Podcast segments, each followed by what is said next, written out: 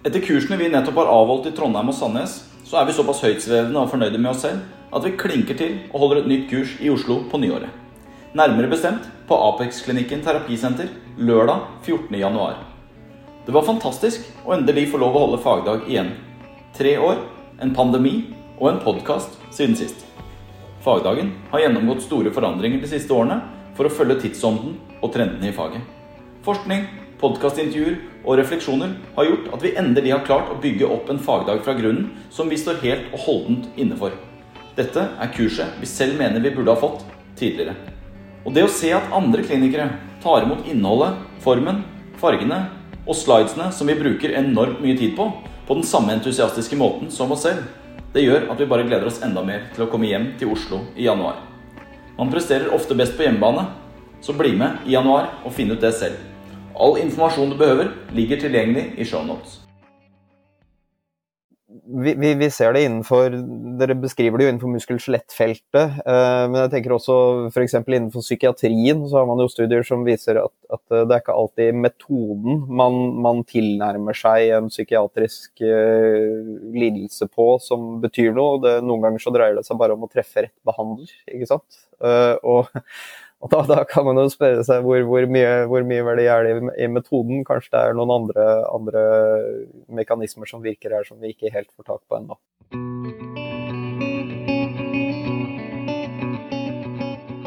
Hei, og velkommen til Vondt.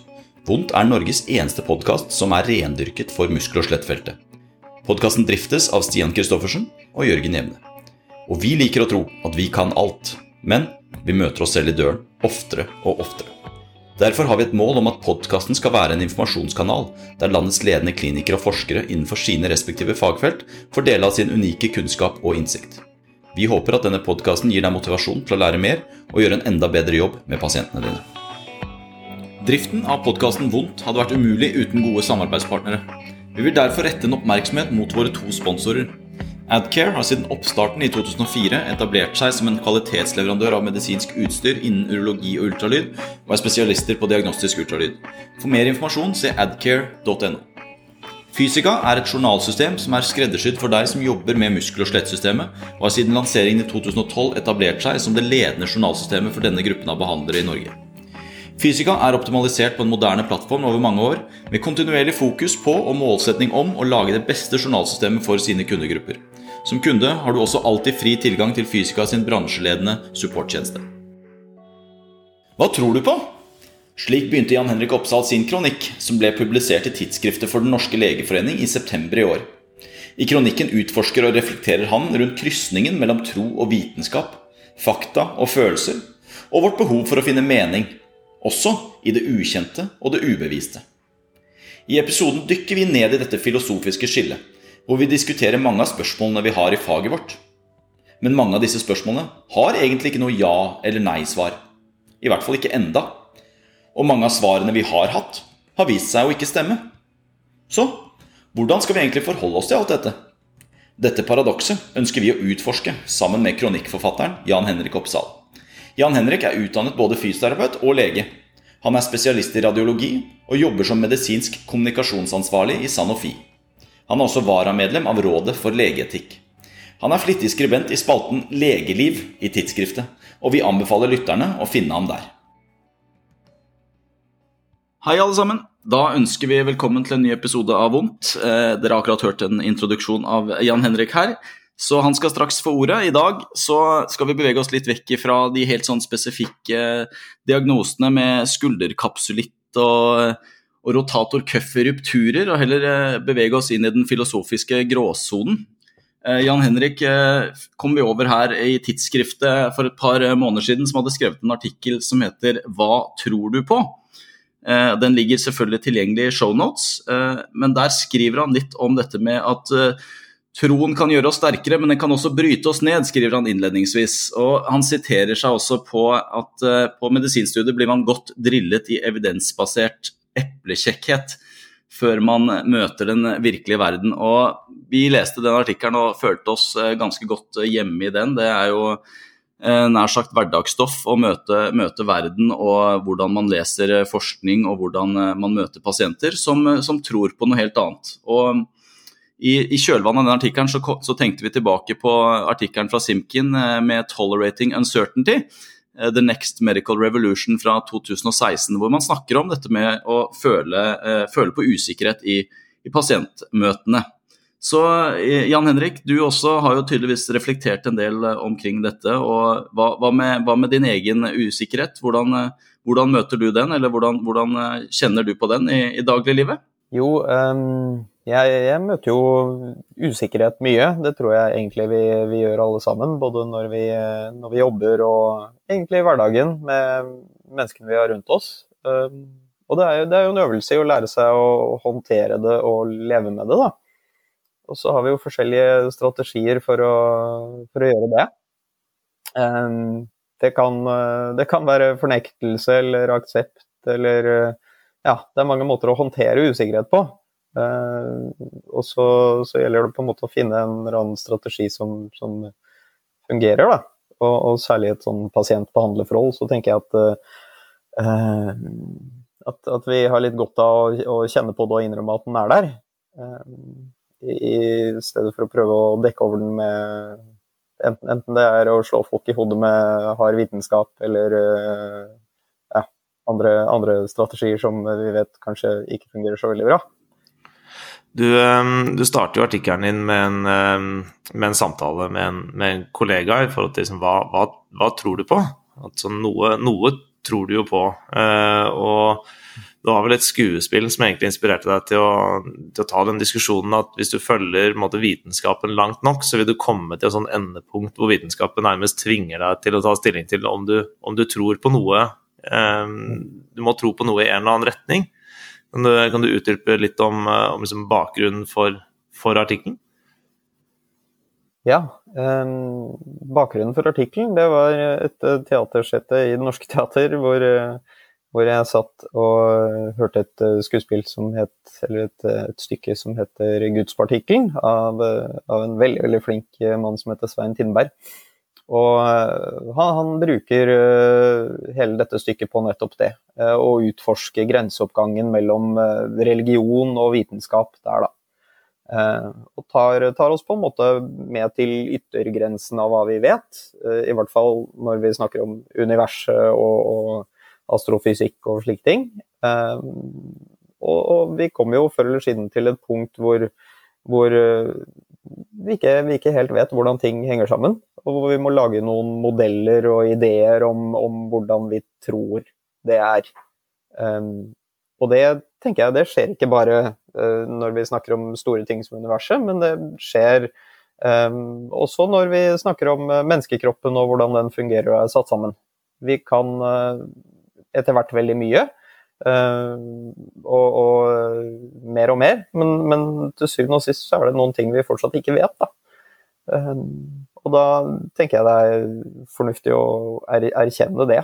At, at, eh, vi kommer til et punkt hvor vi må gjette litt. Hvor vi, hvor vi, må tro på noe. Tro på hvordan, eller ha en eller annen idé om hvordan ting henger sammen. Um, og så kanskje vi kan bridge the gap på et eller annet tidspunkt, men, men uh, det, det, er jo Det er jo en, en eh, erkjennelse det at, at eh, vi, vi, stadig knuser noen vitenskapelige sannheter som vi har trodd på i mange år. Eh, og det vet jo dere som fysioterapeuter også, at vi, vi, har, vi, har, hatt noen åpenbaringer relatert til både ja, f.eks. skulder- og ryggkirurgi, som, som har blitt knust etter hvert som vi har lært mer. Ja, og det, er jo på en måte nærliggende å holde seg til muskel- og skjelettfeltet, som er i hvert fall det vi kan mest om. Og, og du, er jo, du, er jo, radiolog eh, også, så det, det, er jo på en måte interessant det her med I vårt fag, da, i motsetning til mye av de medisinske spesialene, så er det jo veldig mye såkalte uspesifikke eh, syndromer eller, eller, eller smertetilstander som, som, på en måte Vi har jo det er jo en erkjennelse at 90% av korsryggspasienter har en uspesifikk rygg. Eh, på, på, på skulder og, og, kne så kaller vi det kanskje subakromiale smerter, men i praksis så er det jo et, et eh, paraplybegrep, patellofemorale smerter, paraplybegrep for, for mye. Der, der, du snakker om å bridge the gap, og det er jo på en måte sånn åpenbart at uh, i vårt fagfelt spesielt så er kanskje den der, den der vitenskapelige modellen også kommer ofte til kort for å beskrive hva det er vi faktisk ser. da. Og så når, når, du krydrer det med at det vokser fram nå en, en, kultur med at de psykososiale faktorene ser ut til å bety mer enn de rent mekaniske eller fysiske eller, eller fysiologiske, eller hva vi skal kalle det, så, så, så er det en enda en, et aspekt da, som gjør at vi må antageligvis dypere ned i den der filosofiske bøtteballetten eh, enn det vi kanskje trodde når vi satt på skolebenken. Mm. Og det eh, vi, vi, Du snakket om det innledningsvis, hvor, hvordan vi går ut og, og, tror vi kan alt. og Det, det er jo, jo Dunning-Kruger-effekten. ikke sant? Når du, når du kan, kan, litt om noe, så er du verdensmester. og Jo mer du, jo mer du lærer, jo mer skjønner du at du famler litt i uvissa. Um, og, og, Sånn sett er radiologien et veldig fint fag, fordi det er, det er, så, det er så, fagtungt og stort. Uh, jeg tror ikke på noe tidspunkt, eller jeg tror ikke det går én dag hvor jeg ikke møter noe jeg ikke vet eller skjønner eller kan. Um, og, og vi, vi, vi, ser det innenfor Dere beskriver det jo innenfor muskel-skjelettfeltet. Eh, men jeg tenker også f.eks. innenfor psykiatrien så har man jo studier som viser at, at det er ikke alltid metoden man, man tilnærmer seg en psykiatrisk eh, lidelse på som betyr noe. Det, noen ganger så dreier det seg bare om å treffe rett behandler, ikke sant. Eh, og og da, da, kan man jo spørre seg hvor, hvor, mye, hvor mye, verdi er det i, metoden. Kanskje det er noen andre, andre, mekanismer som virker her som vi ikke helt får tak på ennå. Um, det, er, det, er, veldig interessant. Uh, og, og det, er, det, er, veldig interessant hvordan vi, um, hvordan vi kan forsøke å kombinere de vitenskapelige tingene som vi, vi inntil videre vet. vi, vi, kan jo veldig mye, og, og, jeg sier ikke at vi, skal, eh, at vi skal kaste det og tro på eh, alle mulige andre ting, eller eh, henge medaljonger rundt, rundt halsen for å bli bra. Um, og jeg sier heller ikke at man nødvendigvis kan tenke seg frisk, for det er jo også, også noen som, som, går dit hen og sier at dette er, dette er bare i hodet ditt. Men um, vi, vi, vi, er etter hvert ganske gode på vitenskapelig metode, og vi lærer mer og mer. Eh, men så må vi erkjenne at det andre aspektet som dreier seg om hva folk, altså folks motivasjon, hva de tror på, eh, det kan Jeg tenker at det kan mobilisere så mye i et menneske at det i hvert fall kan, eh, kan hjelpe behandlingen og bedringen. Så vi, vi skylder oss selv å på en måte utnytte begge faktorene. Og det er ikke alltid jeg ser en motsetning i det heller. Eh, det er godt mulig at en pasient kan, kan komme og tro på noe som jeg syns er helt ko-ko. Um, men, men, eh, så kanskje, hvis jeg er heldig, så klarer jeg å formidle noe om at, at uh, disse tingene har, har, vist seg å funke veldig bra på, på, den tilstanden eller den problematikken du kommer med. Um, og jeg, jeg, skjønner at du tror på de tingene også, men, men kanskje, vi, kanskje, vi, skal prøve begge, da? kan, kan, vi å, kan, vi prøve å, få en eh, synergieffekt på et eller annet vis? Um, for, for, det er noe med det, jeg, jeg tror vi, vi, er så vi er så iherdige og vi er så ivrige på å være flinke og vi, så, vi har så lyst til å hjelpe og bidra. og vi elsker fagene våre og ønsker å gjøre det best mulig for pasientene. Og vi ønsker for oss selv å, være, være, flinke og gode, selvfølgelig. Um, og da, da, da, er det fort gjort å på en måte ja, forelske seg litt for mye i, i eget fag og, og kompetanse. Uh, og så mister vi på en måte pasientene våre litt på veien hvis vi, um, hvis vi står for fast ved det. da. Det er, jo, det er, jo, det her som blir så vanskelig å, vanskelig å diskutere mm, også.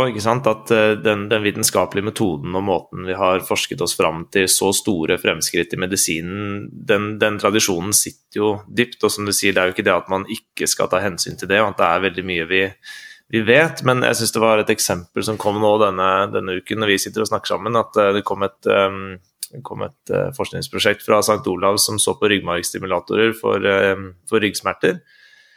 Hvor konklusjonen er at det, det, har ingen effekt utover placebo. Og Det er jo en anerkjent eh, vitenskapelig metode i et anerkjent tidsskrift, eh, og høyst sannsynlig da med samme resultat som det har vært med en del eh, elektiv kirurgi på skulder, knær, at man ser at dette skal vi gjøre mindre av. Det kan jo godt hende at det er en, en positiv ting.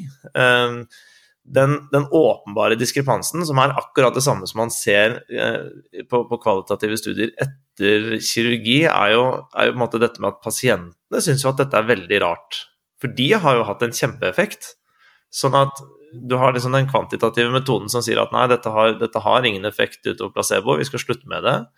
På akkurat samme måte som med, med noen kirurgiske prosedyrer. Og så står det igjen en del pasienter og syns at ja, men det var jo veldig rart, for jeg, jeg har blitt veldig mye bedre. Så måte, hvem er det som bestemmer hvem, hvem som har hatt effekt? Um, det blir jo vanskelig, vanskelig, å si til den pasienten at nei, du, du har ikke hatt noen reell effekt, du har bare blitt bedre. Uh, og det er definitivt ingen reell effekt i dette, dette tilfellet. Og som du sier, at det bør jo egentlig ikke være noen motsetninger her, fordi med tanke på det vi vet, så har vi jo veldig mange gode forklaringsmodeller på hvorfor folk blir bedre av ting som ikke har den, den effekten man randomiserer og kontrollerer og, og, tester på. Men det blir så bastardisert, da. Jeg vil, utfordre deg litt. Grann, ja. Pasienten har jo hatt en reell effekt. Men uh, kanskje, kanskje, bare ikke akkurat det vi testet der og da. Og det er jo det, det, som er det er det som er fint. Det, jeg syns det er det som er så fint med, med uh, at, at, vi begynner å Eller at vi i mange tilfeller kan isolere hva som funker eller ikke. Uh, ved hjelp av å bruke god vitenskapelig metode. Um, og så vil jo noen pasienter få effekt allikevel, enten det er ren placeboeffekt eller at det er at de har hatt noen andre faktorer som har, som har bidratt til bedring, eller kanskje, de, kanskje, det har vært noen utenforliggende faktorer, altså livshendelser for den saks skyld, som, er, som har gjort at disse pasientene har blitt bedre. Um, det, det, kan jo være mye rart, men, men vi vet nå om at denne behandlingen har, har ikke den effekten vi trodde det hadde. Um, I hvert fall i studien er gjort godt nok. Jeg, jeg, kjenner ikke studien godt nok til å si, si noe om det. Men uh, da, da, da, får vi jo etter hvert luket ut de tingene som vi, som vi ser har en, en reell uh, en, Det vi kaller en, en reell effekt av den spesifikke metoden. da. Uh, og så, og så blir, vi jo, blir, vi jo, litt klokere, og litt klokere fra gang til gang. Og kan forkaste noen metoder som ikke virker, og så kan vi holde på de som virker. Og så, og så må vi erkjenne at uh, det er så mange andre ting som virker i tillegg. Eh, med disse pasientene våre. Enten, enten, de blir behandlet med en metode som virker eller ikke, så kan det hende at noen blir veldig mye bedre av, av helt andre årsaker. Og det er jo, altså misforstå, misforstå meg rett, det er jo, jeg er jo helt enig i at det å gjøre disse forskningene for å se, altså for å skille ut enkeltkomponentene er jo, er jo viktig, men det, det, blir jo på en måte det samme at den den effekten ville jo ikke vært der hvis pasienten fikk operert inn en ryggmargstimulator som de visste var skrudd av hele tiden. Hvis de får beskjed om at den er skrudd av, eh, på samme måte som at en, en placebopille har jo ingen effekt med mindre den kommer med en beskjed.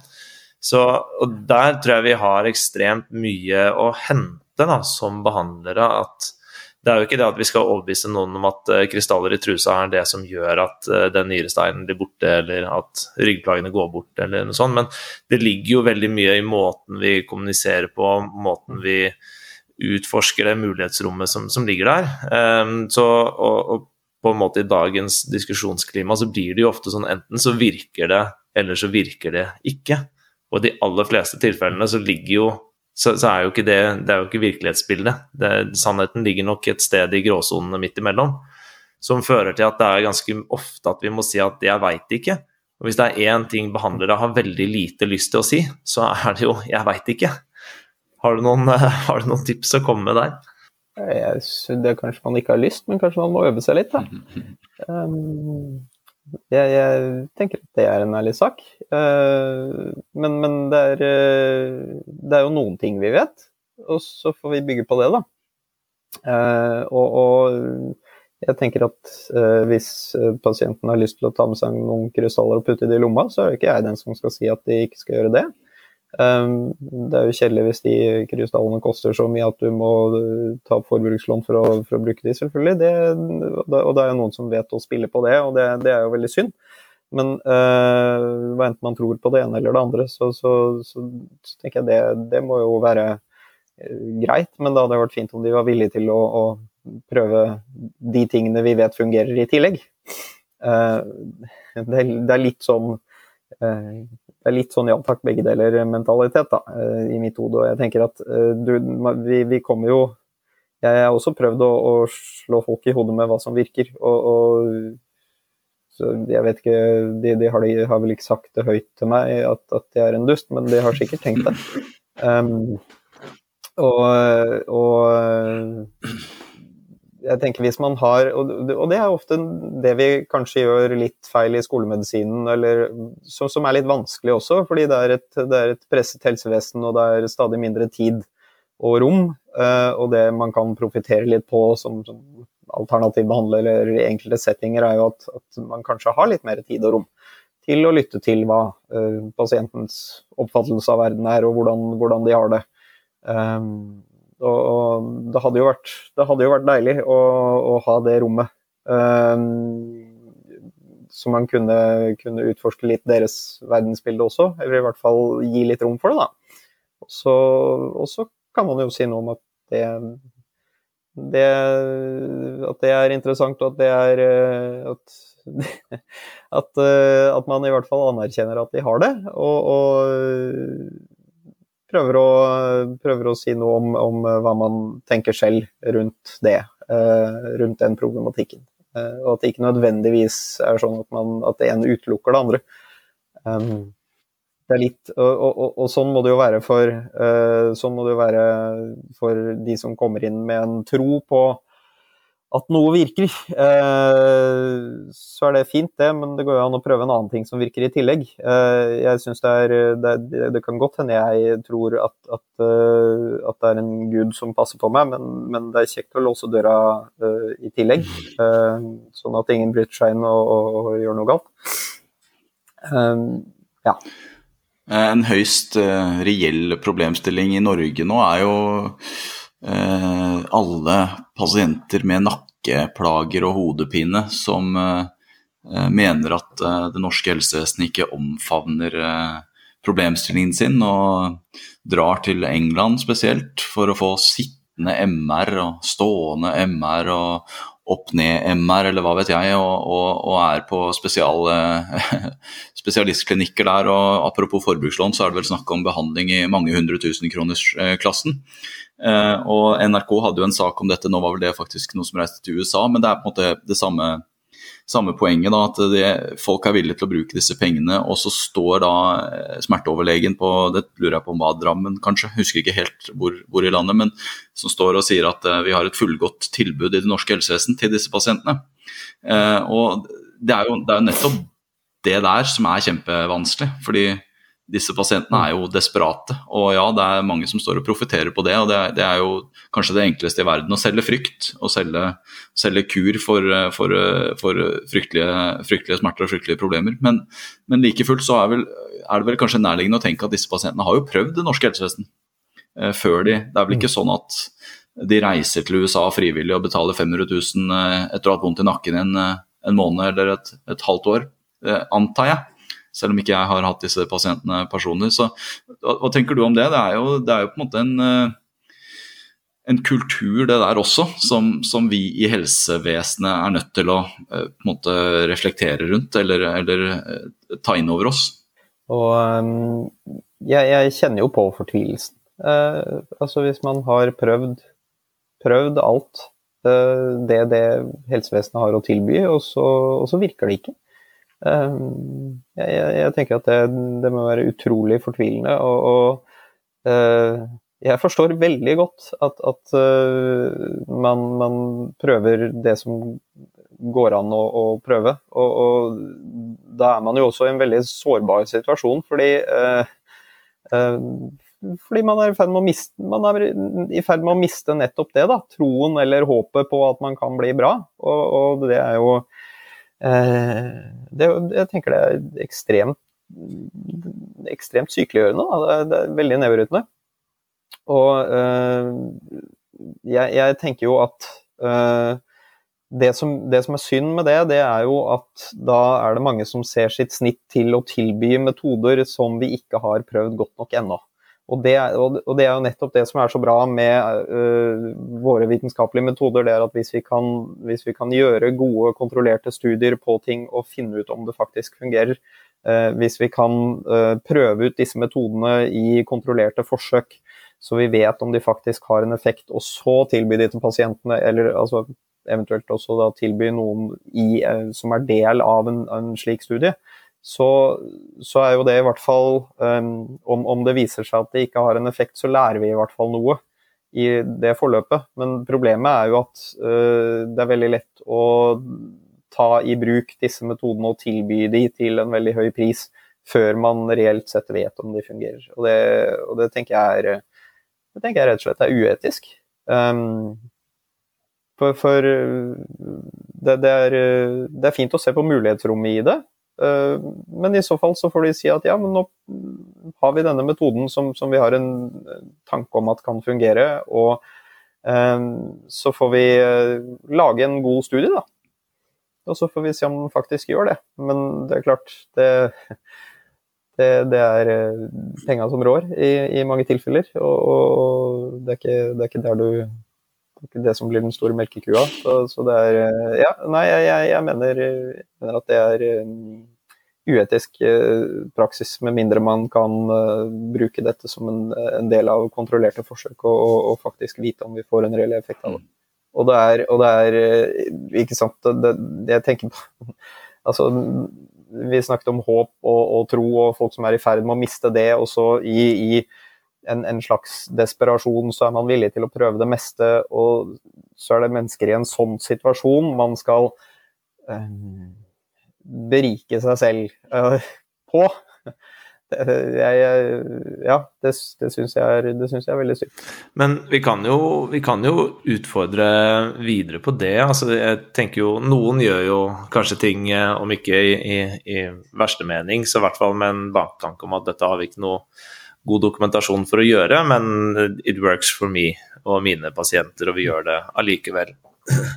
Så kan man jo tenke som hvor mange hvor mange år var det norsk helsevesen tenkte at subakromell dekompresjon og meniskreseksjon var bra, eh, før man fant ut at det faktisk ikke var bra, og for knærne så tredoblet det risikoen for artroseutvikling. Eh, og så kan man tenke på private forbrukslån eller statlige utgifter i mange hundremillionersklassen. Eh, og, så det er jo en, en, en, eventyrlig vanskelig materie, fordi forskningen stort sett vil ligge bak disse nyvinningene, da, og på en måte hva som måte er, er spinal for ryggsmerte eh, så katastrofalt mye verre enn en, eh, en, en dekompresjon i, i, ryggen, når begge tiltakene viser seg å ikke ha effekt, og det ene koster samfunnet vesentlig mye mer enn det andre. Og det er ikke noe sånn for igjen da, så er ikke det for å som, forsvare at alle skal kunne gjøre hva de vil, men det er jo en, en uhyre vanskelig materie å på en måte dissekere ut. Um, og den eneste måten å på en måte, som du sier, finne ut av om det tiltaket har den reelle effekten i helt kontrollerte omgivelser, er jo å forske på det. Så det skal man jo definitivt fortsette å gjøre. Så er jo litt av problemet at uh, verden ikke er de sterile, kontrollerte forholdene som vi har med å gjøre. Da. Det er jo såpass mange andre ulike disposisjoner som virker på hverandre. At eh, utfallet kan bli veldig forskjellig fra pasient til pasient. Inntil videre så vet vi bare det vi vet. Um, og det vi ikke vet. Og, og, og, litt, så, og litt, som jeg sa, vi, um, vi, har, uh, vi, er, vi har kommet langt, og, dette er det beste vi har inntil videre. Og jeg tenker vi skylder oss selv og vi skylder pasientene våre Um, hvis vi skal innføre noe nytt eller har en tanke om noe, at noe kan virke bedre, så, så er det helt supert. Men, men, da må vi prøve det på en ordentlig måte. Um, for, uh, for, hvis ikke så Hvis ikke så syns jeg vi driver litt med sånn juks og fanteri, da. det er det det, det, er mulig det er godt ment også, men, men vi, vi skylder, skylder, vår egen integritet og pasientene våre at vi, at vi setter inn i en eller annen form for kontrollert forskning og ramme, sånn at vi kan finne ut om det faktisk fungerer. Mm. Og så får vi, og så får vi prøve å gjøre rammebetingelsene rundt uh, så gode som mulig, så vi kan spille på noen andre strenger i tillegg. Og det, det er cruxet ved, ved, vårt offentlige helsevesen i dag. At uh, til syvende og sist så blir det, det lille ekstra som man kan tilby, som er forståelse, som er tid, som er Eh, rom til å, å, eh, gi pasientene litt taletid til å kjenne at de blir mottatt på en god måte. Eh, det, det rommet blir mindre og mindre og mindre. Ikke sant? Altså, les i avisen om helsevesenet i dag.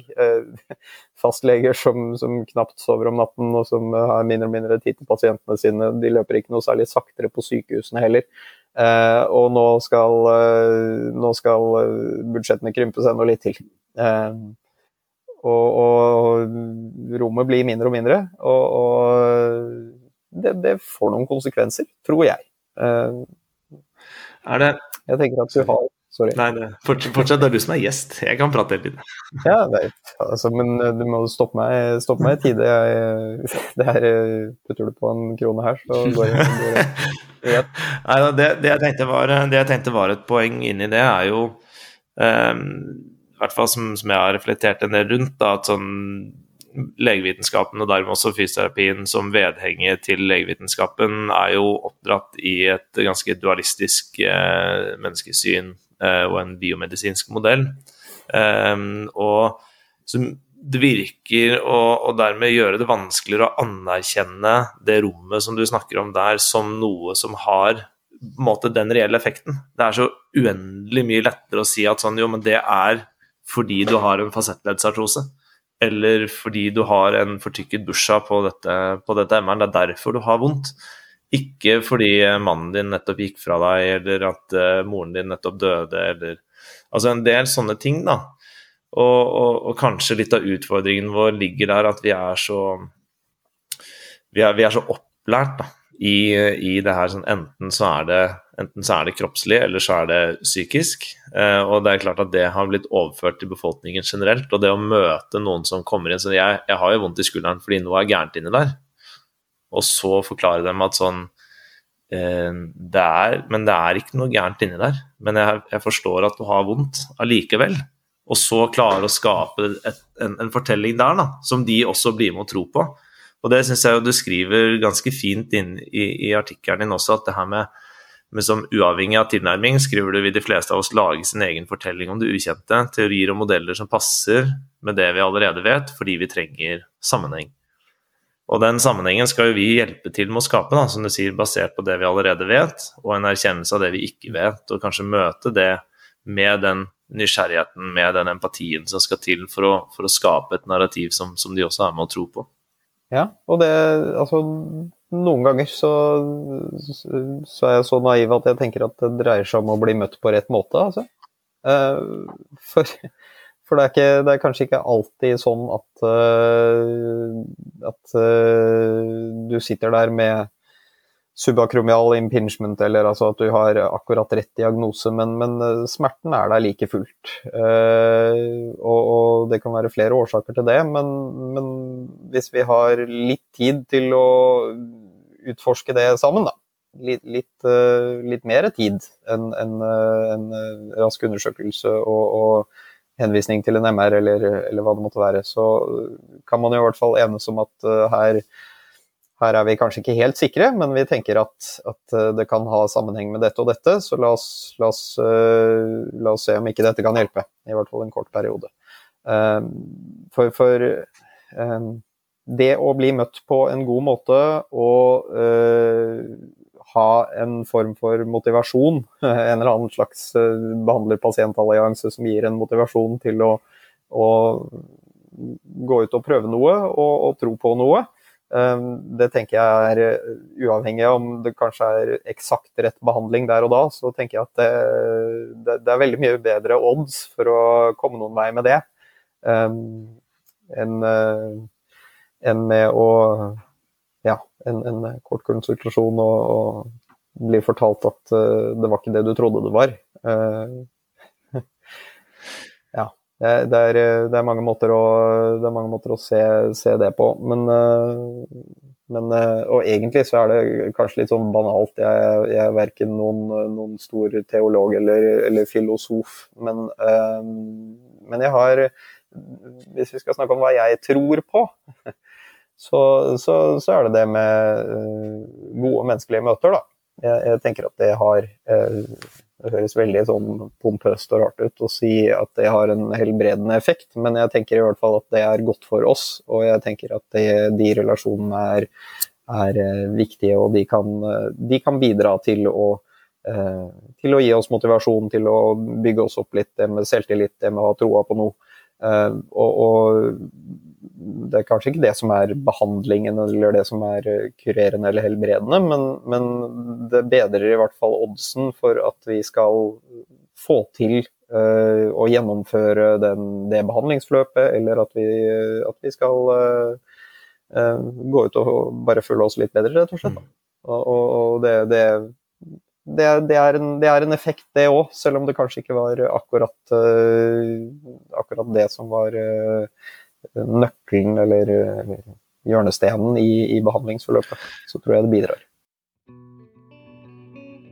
Vi tar en kort pause i episoden for å gi ordet til Alphacare, som er en av sponsorene bak denne episoden. Alphacare har alt du trenger av behandlings- og treningsutstyr til klinikken. Her finner du et bredt utvalg innen behandlingsbenker, treningsapparater, balanseprodukter, elektroterapi, treningsstrikker, anatomiske plakater og modeller, ortoser og mye, mye mer. Som lege eller terapeut får du rimelige forhandlerpriser på store deler av sortimentet. For å se dine rabatterte priser må du være innlogget på nettsiden. Om du ikke er registrert som kunde, gjør du det enkelt på alfacare.no. For å gjøre det enklere for pasienter å finne frem i vårt store produktspekter, har vi laget en egen nettbutikk på velli.no. Det er altså welli.no, der pasienten enkelt kan bestille det han eller hun har behov for. Ved å anbefale pasientene å handle på velli.no, kan du være trygg på at han eller hun får gode produkter som er kvalitetssikret av fysioterapeuter og den aller beste kundeservicen. Jeg synes eh, i det du nå sa, så har du summert opp så, så mye viktig som vi er altfor dårlig som profesjoner helt fra starten av utdanningsforløpet og videre gjennom til å på en måte anerkjenne. Da. Altså, du sitter jo også med lang fartstid og sier kanskje høres det litt naivt ut, men det gode menneskemøtet. Altså, tenk hvis det er det du møter når du begynner på fysioterapiutdanningen eller medisinutdanningen, at det faktisk anerkjennes som noe som er viktig som ikke er pompøst eller diffust, eller det er en reell effekt på lik linje som andre, andre tiltak vi bruker, er jo måten du skaper den relasjonen på. Eh, og jeg tror jo at mange nyutdanna kanskje kan gå inn i arbeidslivet da, med, en, med, en, annen trygghet i at sånn, du må ikke kunne 200 tester på skulder, eller kunne alle utspring fester til punkt og prikke. Hvis du er god på det menneskemøtet, så har det, da har du kommet vanvittig mye lenger i behandlingen din. Du må, jo, du må jo ha noe i bånn, selvfølgelig. Altså, du, man, man, må, man, må, kunne det grunnleggende og vite hva man skal gjøre, men, men, men jeg er helt enig, jeg tenker det er kjempeviktig. Og så øh, føler jeg meg litt som sånn øh, som en hykler her jeg sitter da, for, eh, og, og, snakker om alle disse tingene som jeg tror på og tenker er viktige. Og så, så skal jeg ærlig innrømme at jeg er ikke, jeg er ikke like god på det sjøl, men, men eh, jeg, jeg, jeg, tror det er viktig, og jeg, fortsetter å prøve, da. Det er ikke sikkert man trenger å være noen fullgod psykolog eller, eller være en naturlig menneskekjenner for å, for å få til dette her. Men men jeg tenker det er verdt å øve litt på. Jeg syns det er fascinerende. Jeg synes det er deilig at vi kom inn i den materien her. Det tok 32 minutter, men nå føler jeg vi er i kjernen av, kjernen av det, det, som jeg syns er eh, måte, sånn fellesnevneren som jeg har savnet litt. da eh, når vi diskuterer egentlig med alle forskjellige faggrupper og, og folk. Det er, jo, fordi det er jo Du sa det jo Når vi snakker om psykiatrien, så sa du ofte er det kanskje ikke metoden, men å møte rett behandler. Og det er jo ofte det du sitter med når du, når du, kom, når du får inn en pasient på kontoret, så er det liksom den, den kjemien, eh, den, den, finner du ut ganske fort om den er der eller ikke. Og, og da er i hvert fall jeg, prøver jeg i hvert fall å være såpass ydmyk at jeg tenker at det her eh, får du mye bedre hjelp til andre steder. Eh, prøver å på en måte anerkjenne det ganske, ganske raskt, nettopp fordi at selv om jeg på en måte per definisjon kan det jeg skal på det området den smerten sitter, så så funker ikke det mellommenneskelige. Um, og jeg har, jeg har, overraskende mange psykologer som pasienter. Og det er ganske interessant å snakke med de, for de sier ofte 'du burde jo vært psykolog', du. Og det, det syns jeg på en måte er litt sånn gjenkjennende for det vi snakker om her. da, Nettopp at disse psykososiale faktorene som, som vokser fram nå i litteraturen som veldig predikerende for, eh, for, eh, for dårlig utfall, f.eks. Dårlige prognoser. Eh, de, de, er jo ting som du på en måte har hatt en magefølelse for i praksis i mange år, men du har ikke hatt det på, ikke hatt det på papiret. Altså, du har ikke hatt det litteraturmessig dokumentert, men du har liksom følt på at dette, dette er faktorer som ikke, ikke er spesielt eh, gode så tenker jeg at det er eh, folk, folk, kommer til behandleren sin med litt forskjellige behov. Uh, noen kommer til behandleren sin med et uh, behov for å vite at her er det en fagflink behandler som kan, som kan, fikse meg fort. Og, og, og, noen kommer med et, et, behov for å bli ivaretatt og møtt på en, på en god måte. Og, og, der er både de ulike tilstandene folk kommer med, forskjellige, og, og, folk er forskjellige i sin tilnærming til hvordan de kommer til oss. Men uh, jeg tenker felles er på en måte at de trenger en eller annen form for trygghet da, på at her er det noen som sitter og uh, Noen som, uh, noen som både vil og, og kan hjelpe meg å bli bedre, og som, som, som har troa på at jeg kan bli bedre. og, og ja, det, det, er, det, er, en kunst å se litt på hvem som, hvem som kommer, og, og klare å, å, møte dem på en god måte. Da. Og det er vanskelig. De her faktorene som du snakker om eh, med sykehus, eh, med, eller med, med helsevesenet egentlig, da, med eh, innskjerpede budsjetter og dårligere tid og eh, tunge hverdager, spesielt da for fastlegene som, som er godt kjent eh, nå, så, så, tenker jeg på mange måter at du tegner opp en litt sånn eh, Eh, perfekt storm eh, for disse, for disse pasientene. Og når, når, vi nå egentlig begynner å snakke om litt sånn kjernen i pasientmøtet med gode, gode, gode mm, mellommenneskelige ferdigheter osv. Så, videre, så du, du, får et system som egentlig ikke tillater det. da. Men så er det nettopp det mange av disse pasientene med uspesifikke, uavklarte tilstander nettopp trenger. Er jo, er jo avklaring, trygghet, avdramatisering. Eh, hjelp til selvhjelp osv., som, vi, som på en måte er hjørnesteinen av moderne muskel- og skjelettbehandling i dag. Da. Så, så vi, vi, ser jo på en måte ikke sånn veldig lyst på framtiden for muskel- og skjelettpasienten nødvendigvis, når vi, når vi ser på den, de faktorene. Jeg tenker du dessverre maler et litt riktig bilde når du sier perfekt storm. Eh, for eh, helt ærlig, jeg er litt bekymret for hvordan det ser ut nå. Både og, og fra, fra, legesiden da, så, så, må jeg si at både fastlegeordningen og, og sykehusene er under stort press om dagen. Eh, og til syvende og sist så går det utover både folka som jobber der, og, og da ultimativt pasientene.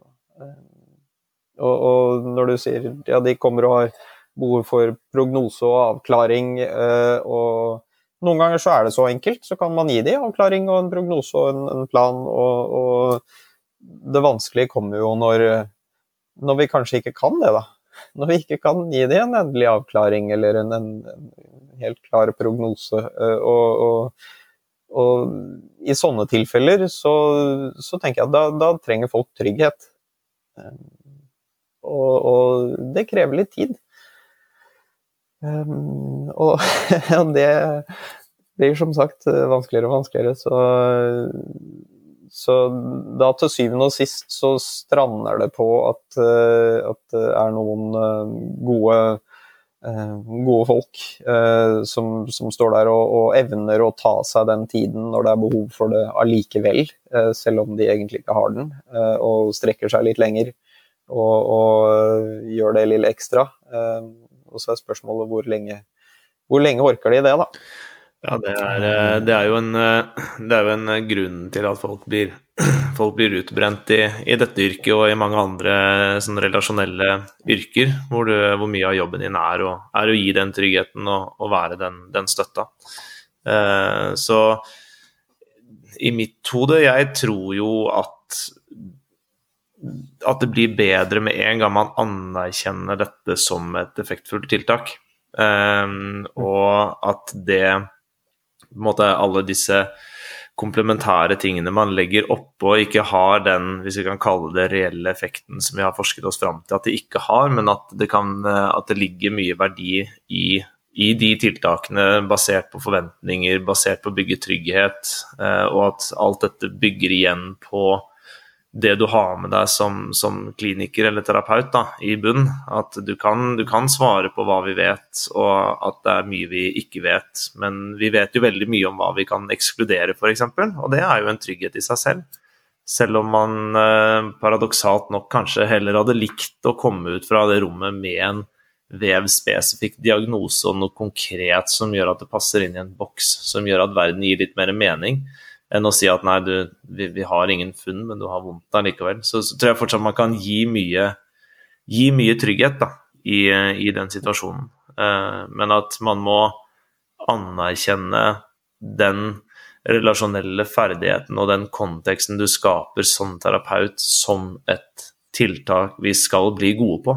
Og jeg har ikke opplevd at det på en måte har blitt presentert på den måten. Vi har diskutert det før at setter du opp en kongress om eh, kommunikasjon og relasjoner eh, parallelt med idrettsmedisinsk høstkongress, så, så, er ikke, så, er det ikke, kommunikasjon og relasjoner som blir utsolgt, for å si det sånn. Um, men i lys av forskningen så er det kanskje det som burde skjedd. Ja, jeg, jeg, tror, jeg tror man trenger to ting. Jeg tror man trenger relasjonell kompetanse, og jeg tror man trenger tid. Uh, og trygghet i en altså, trygge behandlere. Uh, trygg nok til å si at uh, vi ikke vet, trygg nok til å si at, at dette forstår jeg ikke nødvendigvis, men vi skal forsøke å hjelpe deg likevel. Um, og da til syvende og sist så, så, trenger man tid og rom for det i, i hverdagen. Og for å, være, for å være litt kynisk, hva betyr det? Jo, det betyr mer penger det, det er nok folk øh, og, og, og, muligheten til at de kan øh, ha tid til å bruke på pasientene sine. Nå har vi jo noen flertalls hundre millioner som blir borte i støtte til ryggmargstimulatorer og subakrom eller dekompresjoner fremover, så kanskje vi kan kjøpe oss litt mer tid i, ja. i offentlig helsevesen. Det hadde jo, det hadde vært noe. Det er jo ganske solid dokumentasjon på hvordan pasientforventninger eh, kan være med å predikere utfallet av behandling. Ofte så kommer jo pasienter inn med en forventning som ikke matcher helt den virkelighetsoppfatningen vi har, og hva vi tror på. Eh, og forhåpentligvis som helsepersonell så skal vi vite bedre om ganske mye. Så noe av jobben vår består jo i å få dem til å tro på noe annet, fortrinnsvis det, det vi tror på. Eh, har du gjort deg noen tanker om hvordan vi får til den dreiningen på best mulig måte? Jeg tenker at du snakker litt om to forskjellige ting. For uh, de, de, har noen forventninger til hva vi kan få til, eller hva, hva, behandlingsapparatet kan gjøre. Og det må vi på en måte realitetsorientere litt på. Hva, de, hva, vi tror på, de tror på, det tenker jeg er en litt, litt annen, annen historie igjen, da. Men um, ja, eh, jeg tenker, eh, jeg tenker, igjen det dreier seg om å være uh, trygg nok og tøff nok til å si at vet du, de forventningene kan vi kanskje ikke oppfylle, men, men, vi kan gjøre dette og dette i, stedet for. Det er det som er det er det, er det som vi kan få til. For, for det, jeg tenker det er det er fint å, å strekke seg for å, for å, være en god behandler og klare mest mulig, men, men eh, til syvende og sist så, så, må vi jo på en måte stå i det vi, det vi faktisk kan utrette, da.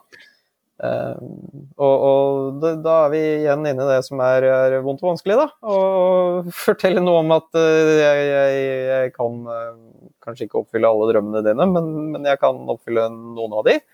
Eh, og så får vi se hvor langt vi kommer. La meg eksemplifisere det med noe som eh, jeg i hvert fall møter eh, regelmessig, og sikkert du også, Jørgen. Men du får inn en, får inn en pasient som for ti år siden si hadde vondt i ryggen.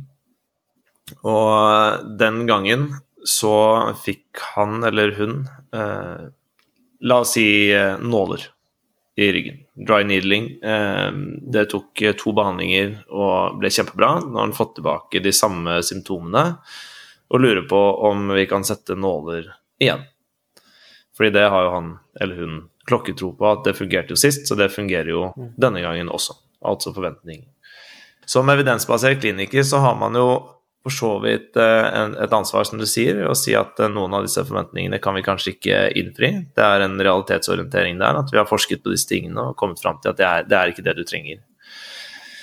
Ehm, det opplever jeg som ekstremt vanskelig, ofte. Ehm, ikke nødvendigvis å gjøre forventningsavklaringen, men å få dem med på den videre reisen i hva det er vi mener skal til for at de blir bra, og gjerne holder seg bra.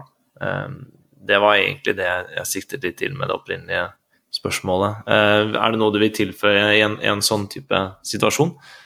Nei, jeg tenker um, at, at det, er jo, det, er jo, en vanskelig situasjon, fordi de har en oppfatning om hva som skal til for å bli bra, og, og så har du en, en, mening og en oppfatning om, om uh, at, at, det faktisk ikke fungerer, eller at det uh, er en uh, en dårlig behandling.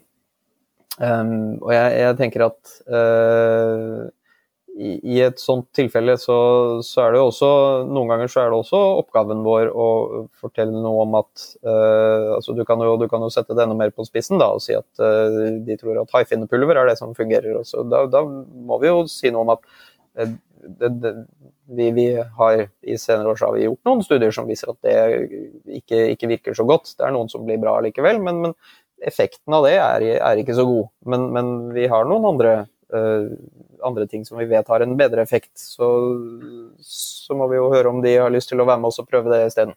Uh, for, for, det er klart, vi kan jo ikke, vi kan jo ikke bare uh, føye oss etter, etter, alle verdensbildene som kommer inn. Vi må jo, vi må stå støtt i det faglige og det vi tenker er, er riktig. Um, om de vil ta Hyphen-pulver på si, det får jo være, får jo være så sin sak. Men, men, eh, så må vi jo prøve å forklare noe om at eh, og, og, håpe at vi klarer å skape, skape, trygghet og tillit nok til at de tror på vår historie. Eh, at de tror at vi har lyst til å hjelpe de å bli bra, og at, at vi kan noe om hva som skal til. Et annet eksempel som er eh, like reelt, det kan jeg eksemplifisere helt ekte, for det er min far.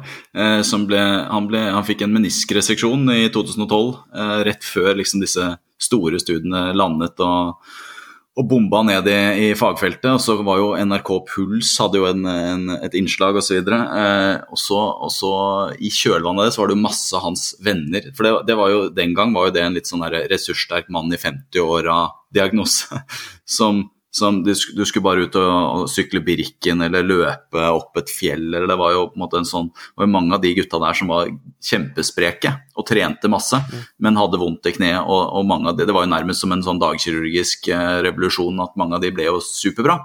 Eh, og så var det jo masse folk som ville gjøre det i kjølvannet av dette, og så, og så kommer du tilbake i det offentlige, og så Ja, det gjør vi ikke lenger. Og så Ja, men du gjorde det jo på Nils og Bjarne, men ikke, ikke på meg. Det er jo bare et år siden. De jo, og så og så ja, nei, Vi gjør det ikke i det offentlige lenger, men vi gjør det i det private. Så det, det, var, jo, det, var, jo, det var, jo, den episoden, eller den, den, erfaringen jeg hadde med det, var jo at mange av de fikk jo nekt i, i, i, i det offentlige, og så var det bare å ringe helseforsikringen sin, og så fikk de jo Ofte den samme ortopeden gjorde dette privat på kveldstid uansett. Mm. Så, så det, og det, det, foregår jo fortsatt i stor stil, både reseksjoner og subakromale dekompresjoner. på en måte, så, så det er jo en det er jo, det er jo, det er jo høyst reelle ting, dette her, så, som, som, vi, som, vi, ser daglig. Ja, Så blir det jo en diskrepans i det at, at noen tar til, seg, eh, tar til, seg, nye studier og, og det, vi, det, vi, lærer fortere enn en andre. Da. Eh, og, og det, det, er jo et problem. Da, da, har vi et forklaringsproblem som, som helsepersonell tenker jeg. Uh, og, og, det er ikke alltid like godt å, et, uh, å gi et godt svar på, uh, men, men så får du Sitter man der i den ene enden og, og, og vet noe om hva en, en altså, nå, nå, nå, går jo Nå vet vi jo noe om at, at det, man helst bør prøve å bevare mest mulig menisksubstans, og, og, at det er ditt eh, vinden har snudd eh, akkurat nå, og det er en grunn til det. Og det er, det er gode studier på det. Og jeg tenker at én er den eneste løsningen. At, at da får man håpe at pasienten har, har, tillit nok til deg som behandler til å tro på, å tro på din historie. Og vi kan, ikke, vi kan, ikke, banke det i hodet og si at sånn er det. Det, det. det, må vi bare håpe på. Uh, og så er det jo synd at, at, at vi, vi, spriker litt i alle retninger, og det tar tid før ny, ny kunnskap blir implementert overalt. Men, men, sånn er det jo bare. Jeg tror jo bare, bare, det at vi anerkjenner at vi også tror på ting, altså bare internt på klinikker, så vil det jo være mange som tror på ulike tilnærminger og har ulike oppfatninger av virkeligheten. Selv om det kan være nyanser, så vil det oppleves som veldig store forskjeller for en pasient. Og det er det er nesten så jeg gruer meg til den dagen jeg blir sjuk sjøl og skal på en måte gjennom, gjennom helsevesenet. Så hvis du internt på en klinikk kan få tre-fire ulike tilnærminger til det samme problemet, så er det ikke rart at folk blir forvirra i forhold til hva man skal tro på. Uh, men jeg, jeg, tror jo også at den her, det å ikke banke det ned som, som på en måte du, du tar feil, eller det du har hørt er feil, jeg har jeg har rett, men, men, heller nærmest spørre om Og dette er det jo faktisk ganske god dokumentasjon på forskningsmessig også, med tanke på hvordan man endrer folks oppfatning. Altså spør om lov først. Kan jeg få lov til å utfordre det, det virkelighetsbildet du har, eller utfordre de, de uh, forklaringsmodellene du har hørt, uh, og, og, og, så kan vi diskutere litt, litt de andre. Så, tror jeg man kommer veldig mye lenger da, med en grad av intellektuell ydmykhet og eh, respekt, empati, nysgjerrighet. Ja, og, og, igjen, jeg tenker at uh, det er fint å tro på, uh, tro på mange ting. Uh, og vi, har mange ulike behov og, og, tanker om hvordan verden er skrudd sammen, men til syvende og sist så, så er jeg også pro science og tenker at i bunn så skal vi ha det, vi, det beste vi vet til nå. Og, og, der må vi prøve å finne, finne felles grunn som, som helsepersonell. Da. At vi, vi, har noen ting som vi har ganske godt vitenskapelig belegg for, og det er ikke sikkert at alt det er eh, rett om 20 år heller, men, men det, er, det, er, det beste vi har. Eh, og da må vi stole på det inntil videre. Eh, og så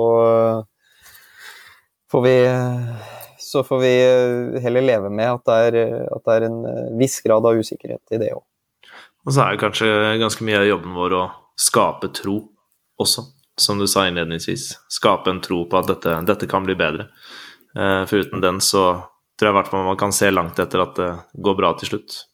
Ja, det er, det er godt å møte en behandler som, hvor man får inntrykk av, og det kan jeg jo si fra pasientsiden selv òg, hvor man har inntrykk av at uh, behandleren vil deg vel og, og har troa på at vi skal uh, komme noen vei sammen. Og så tenker jeg at ja, men da, da tenker jeg at det er i hvert fall no, hos noen som, som uh, gjør så godt de kan for, for, at jeg skal bli bedre. Eh, og det skaper, det skaper, tro, og det skaper motivasjon. Og det tenker jeg er, eh, og, og, tenker jeg er kjernen i, eh, i det vi, vi, trenger. Da. Du kan, du, du kan gi pasienten så mange piller eller behandlinger du vil, men hvis pasienten går hjem og ikke tror på det, og ikke tar pillene sine eller ikke gjør øvelsene sine, eller, så kommer du ikke så langt uansett. altså. Nei, det er vel dessverre det som er erfaringen etter mange år i praksis, at det er der, vi, det er der magien det er der magien skjer. altså Det, der, det mellommenneskelige der å jobbe med å få komme, komme, på samme lag rett og slett, og jobbe, jobbe mot det, det, samme målet. Så det beste, det beste, pasienten din kan tro på, det er deg. Og så er, er, det ikke magi heller. Det er en ferdighet. og det syns jeg at det er viktig at vi anerkjenner. Litt magi. Det er, der, der, der, er, det er der kunsten ligger i vitenskapen, er det ikke det? Uh, ja, I gamle dager så hadde de noe som het legekunst, uh, som, som, jeg vet ikke hvor den ble av, men, men den skal visst være et eller annet sted der ute ennå. Det, det, er sikkert en fysioterapikunst også, så kanskje, kanskje, det er en del av den. Jeg tror det er noe som kalles behandlerkunst, uh, men uh, jeg, tror vi, jeg, tror vi, får litt mer kredibilitet ved å kalle det en, ferdighet. og det er jo, dette er jo på en måte paradoksalt ikke paradoksalt, det er feil å si. Dette er jo noe som står veldig sterkt i, i idretten også. At en trener-utøver-relasjon er ekstremt viktig. Men eh, det er jo Du må jo gjerne ha noe forståelse i bunn. om fysiologien og om treningsmetodikken og hele den biten. Men uh, mange av de beste trenerne i verden er jo best fordi de er ekstremt gode på å skape relasjoner med utøverne de, de har ansvar for. Og Det tror jeg vi skal trykke litt til oss som, som behandler også, at det er noe vi kan og bør utvikle og bli bedre på, på lik linje med alt annet. Så er det fint at ressursene og budsjettene krympes. Skal ikke være for altfor depressive på slutten. Har du, noe, har du, lyst til å avslutte med noe Jan Henrik, som du ikke har uh, fått anledning til å si i løpet av denne timen? Nei, jeg tenker at, uh, jeg tenker at uh, vi har rørt ved ganske, ganske mye. og så, så, er det ikke flaut å si verken at man ikke vet, eller, eller at man tror på noen ting, eh, så lenge man, man, har vitenskapen et eller annet sted der i bånn. Eh, så, så, tenker jeg det er, det er bra, ja. Og det er, eh, som i så mange andre settinger, da, så er det de som, de som står litt støtt og er litt trygge, som, som tør å si at de, at de, ikke vet alt, eller at, at de at de har noen usikkerheter, de også. Jeg tenker det er tillitsvekkende mer enn, mer enn det motsatte var, var, i gang i et foredrag med en professor som sa at uh, hvis det er en fyr i et rom som sier 'jeg vet ikke', så er han uh, sannsynligvis den smarteste i hele rommet.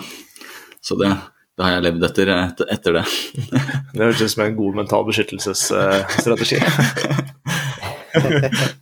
ja da. Nei, men Jan Henrik, tusen takk for at du ble med på en, en time med, med dypdykk ned i det filosofiske kaninhullet. Det Eh, det gjør seg veldig godt på en podkast, i motsetning til eh, artikler i massemedia, som ofte eh, må være litt mer spissformulert. Så det var supert at du kunne ta deg tiden. Så Hyggelig å få være med. Anbefaler vi avslutningsvis leserne å lese de shownotene med artiklene til Jan, Jan Henrik. Det var i hvert fall veldig, veldig oppløftende lesning for vår del, så, så takk for det. Det var hyggelig å høre. Så sier vi takk til lytterne, og, opp på gjensyn.